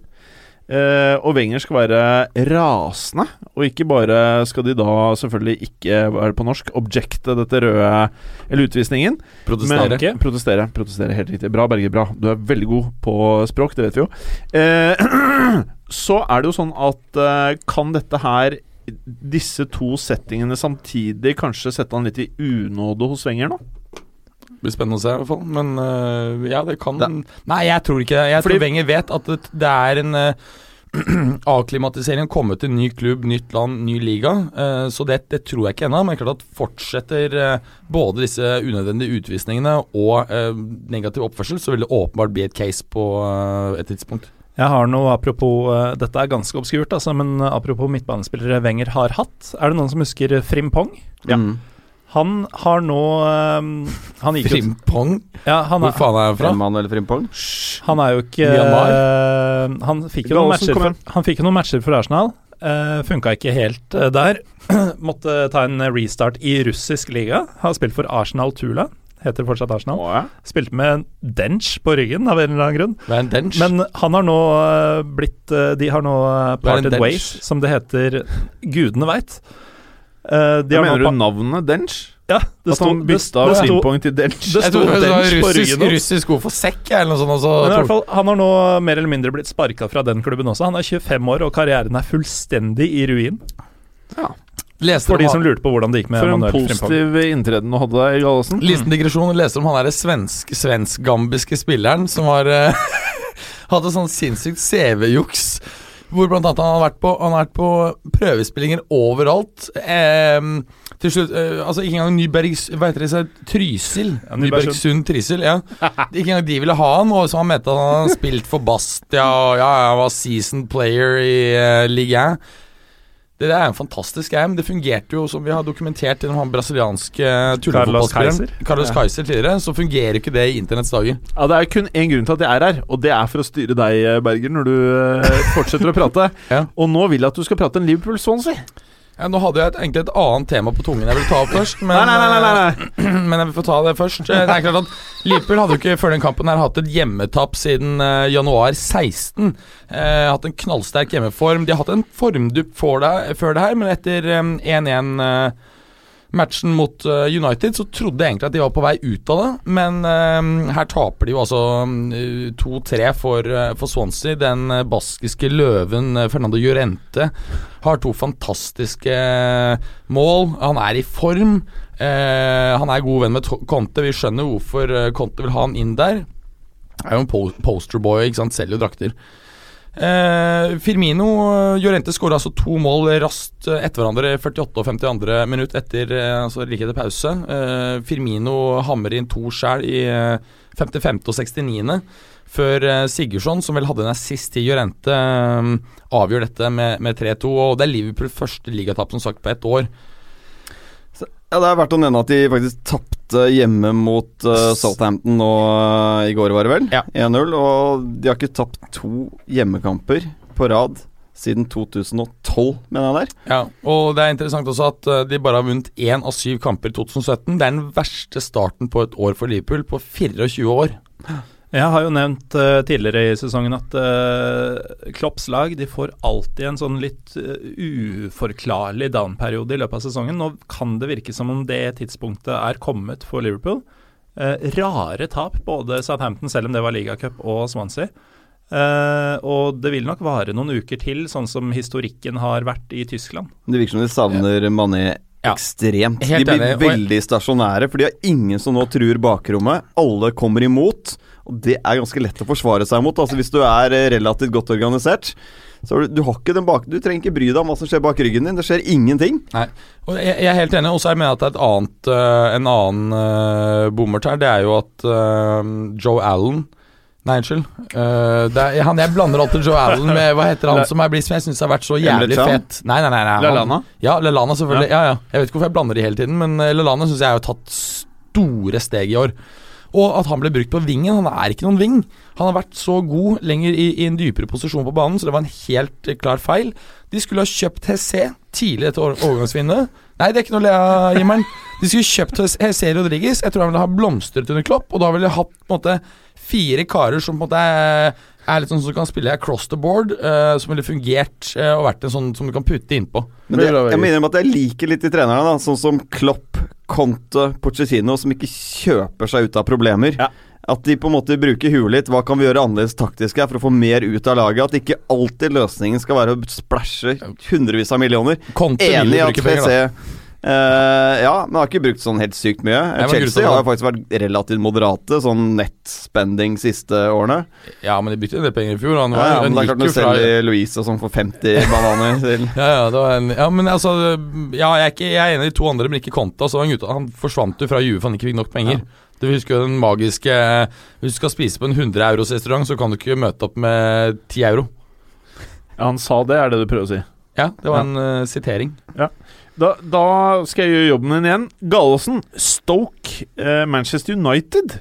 Den ender 1-1, og en eh, illustrasjon på kampbildet er jo at eh, Stoke ledet lenge eh, uten å ha hatt et skudd på mål.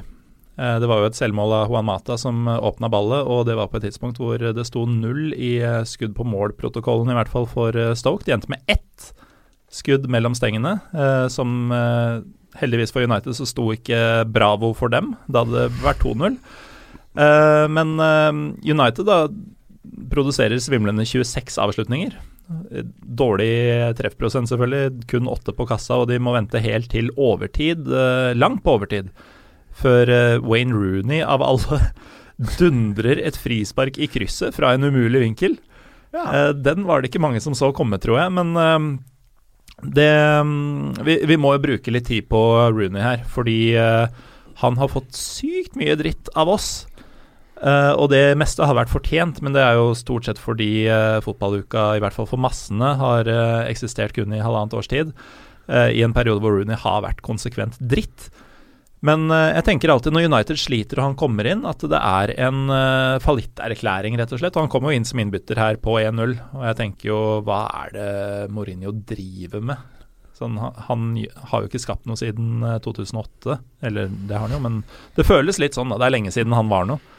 Men det frisparket det var en påminnelse om hvilken spiller han har vært. Uh, Gudbenåda touch når han var på sitt beste, og voldsom kraft og intensitet i spillet. Eh, og nå er han da Dette var jo et siden vi, Grunnen til at vi bruker tid på det, er jo at dette var jo målet som gjorde han til den mestskårende i United-historien. Og det blir du ikke om du ikke har, har det, eller i hvert fall har hatt det. Uh, og dette er en rekord som jeg tror i dagens moderne fotball med spillerforflytninger hele tida, at den kommer til å stå for alltid. Ja, Det kommer til å bestå lenge, helt enig. Men um, det er samtidig et annet element her også som er interessant å, å nevne. Det er jo det at eh, timingen er perfekt for United.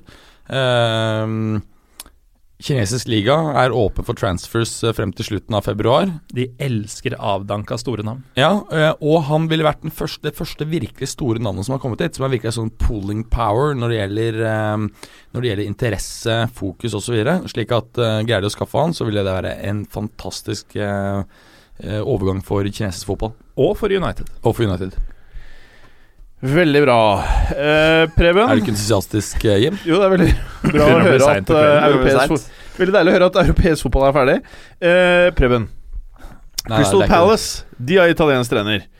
Og de, de, det Alardici, tenker du på? Ja, helt riktig. Og de Ja. møtte Everton. Samuel. Ja, dette her går Og, helt og, og Everton må vi jo si uh, Vi må jo si at det er et formlag akkurat nå. Ja, det må vi absolutt si. De har tatt Er de eh, verdens beste lag akkurat nå?!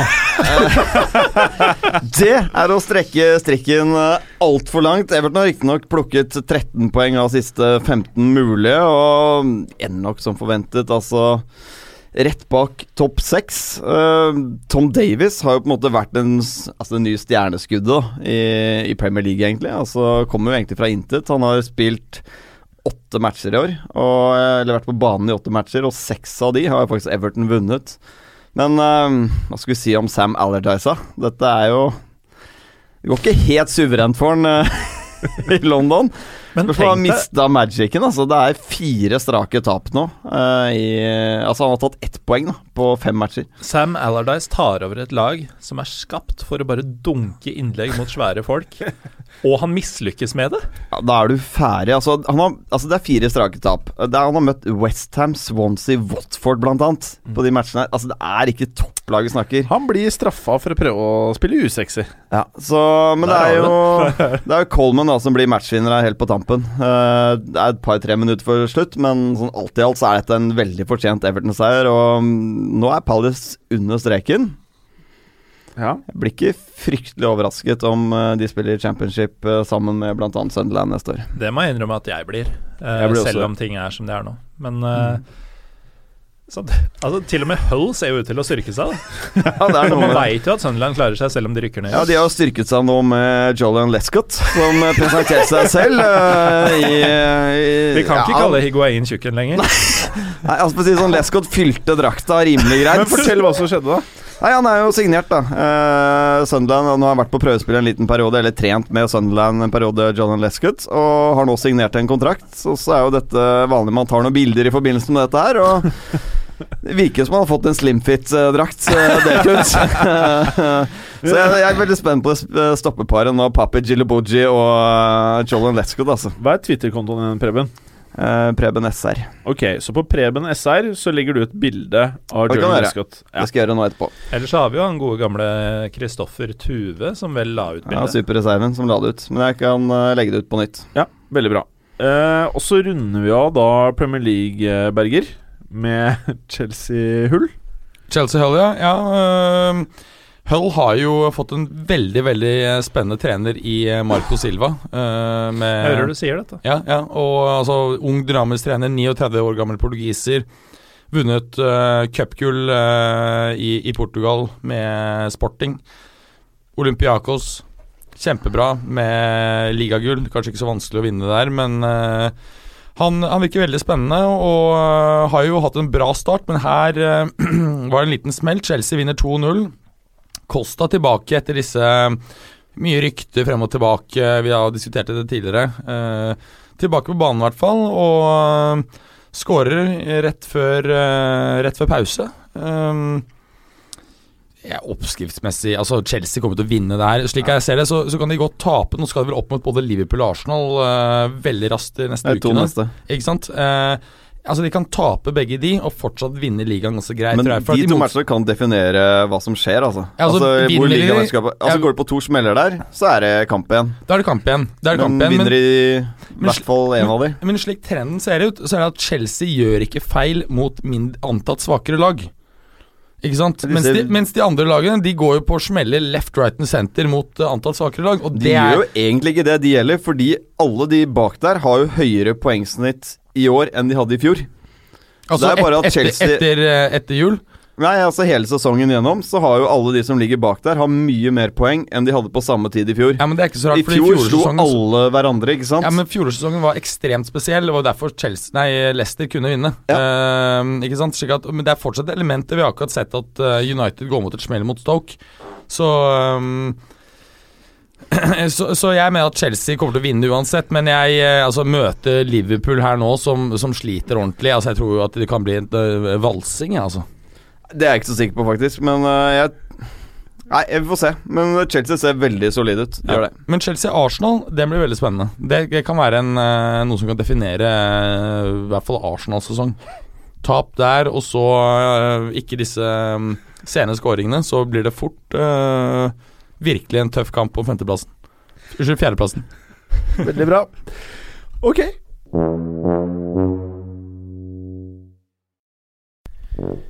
Freckest time.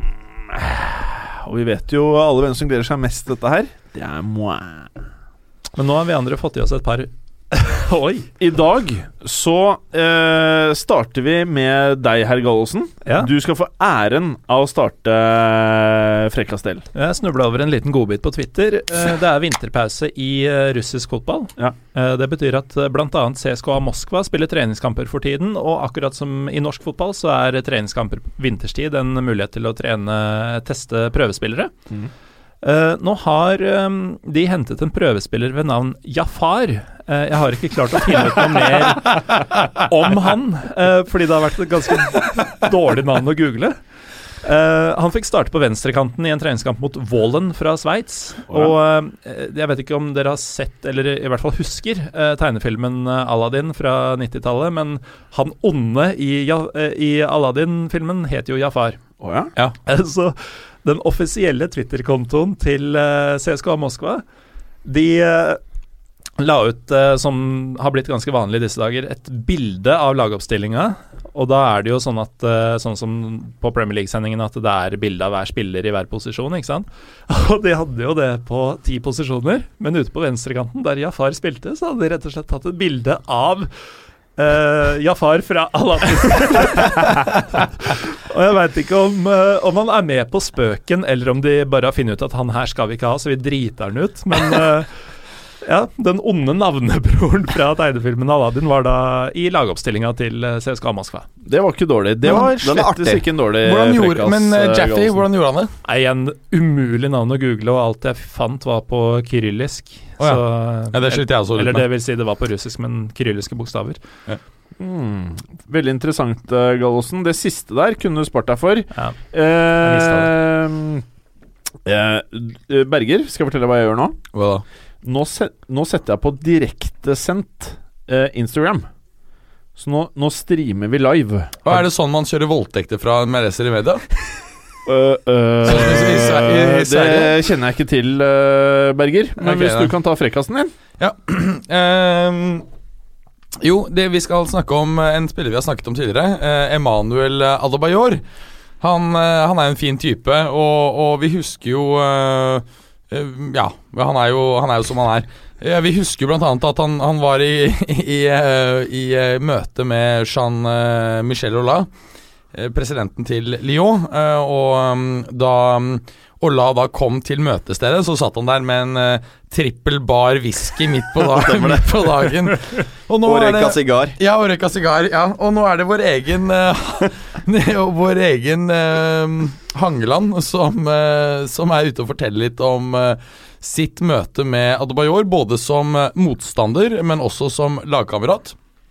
Det var vel i en annen podkast? Eh, det er helt korrekt. Den er konkurrerende, så vi nevner ikke navnet. Den heter Vi sier, vi sier at det Er ikke så okay. konkurrerende. Okay, ja. Vi er gode venner. Ja. Oda Ert sier at du har pen skjorte, Mads Berger. Oh, herlig. Mm. Um, ja, og han forteller da blant annet at eh, hans første møte med, med Adebayor, altså da Hangeland ehm, Det var på banen da han selv spilte for, eh, for Sutherland, Sunderland Nei, unnskyld, nei, Fulham. Det går ikke så bra, dette her. Nei, det, Jeg har glemt at det er en historie på gang her.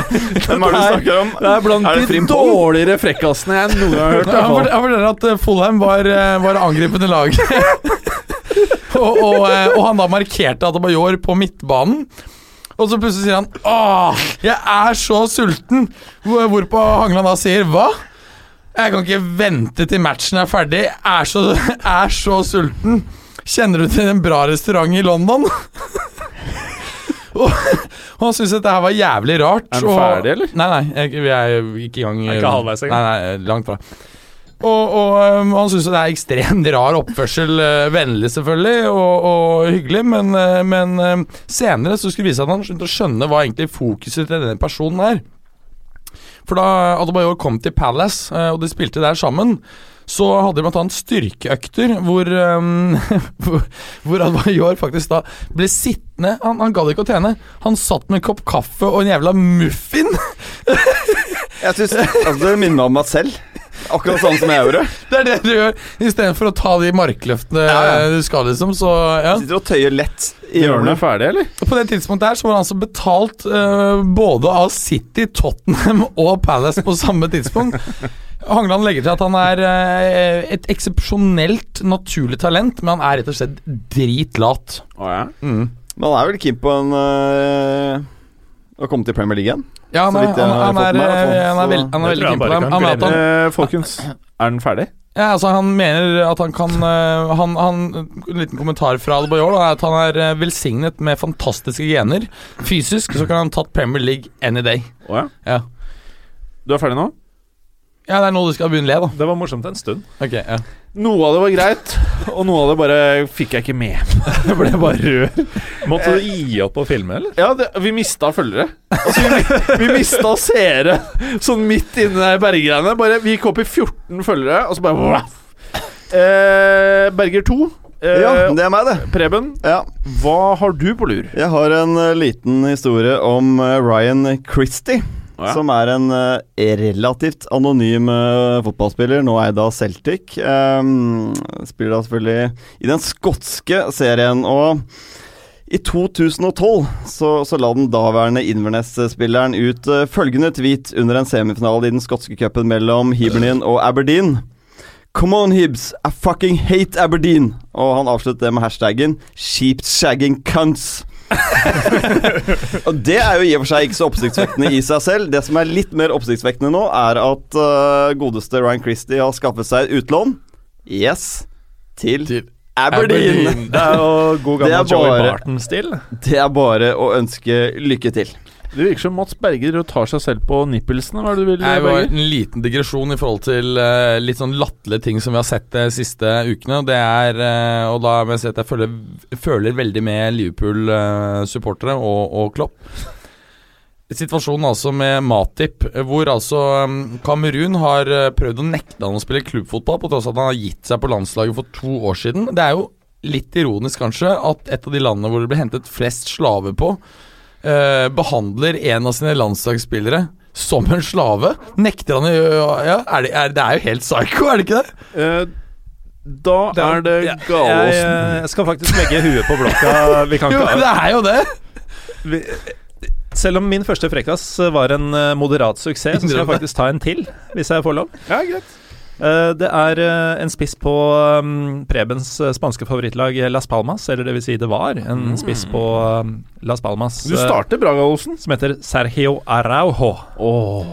Han er tatt er for fyllekjøring. historie. Fyllekjøring. Å nei, nei, nei, nei. Og det er ille nok, noe som dessverre skjer altfor ofte på kveldstid. Altfor ofte med han òg, vel. Eller det burde Det er vært noe mye, mye, mye mer på dagen. med Nå er det jeg som snakker, eh, Ja, er Berger. Nå, du, er, du, nesten du har tatt tapt er hele. Du er ute her, Berger. Du har ødelagt Twitter, nei, Instagrammen vår. Ja, på kveldstid så skjer jo dette ofte nok, men eh, det som er litt spesielt her, er at det skjedde på vei til trening. Og mer spesielt, det det, det var andre gang det skjedde, for uh, på fire måneder. Men er det da fyllesyke som har slått gjennom, eller Nei, er det eller- nydrikking? Det virka ikke som en promille som man sover av seg, eller Oi. eller eh, har sovet bort litt. Så eh, mulig han starter dagen med en nightcap. Hva heter denne spilleren? Sergio Araujo. Han er ikke Klubben lenger Las Palmas. Har naturligvis fått nok, så nå er han en eh, AIK Aten-spiss. Oh, ja. Ah. Smart move. Mm. Eh, Tipper han kommer til å smake litt på Oso. Han er vel en uh, La Masia Men de færreste La smaker det to ganger. Nei, det er Ok, ok, ok, ok Folkens, eh, jeg kan si at eh, det er ikke så mye å diskutere. Galesen hadde de beste frekkasene. Berger, du er liksom på topp tre dårligste eh, frekkasbitene noen gang, men på en annen måte. Det var så langt og usammenhengende og kjedelig at det var bare Jeg fikk ikke med meg alt. At jeg vinner? Eh, Nei, Og nei, mista følgere. Du, du, du vinner ingenting. Preben, du var helt sånn midt på treet. Det funka. Det er jeg egentlig veldig fornøyd Ja. den delen Det her av Og med det så takker vi for i dag. Takk. Takk for oss. takk for i dag. Takk for i dag etter 1 time og 36 minutter. Takk for at du hadde høre på. Vi er Fotballuka på Twitter, Facebook og Instagram. Følg oss gjerne. Men bare få høre. Den tror jeg blir litt fet.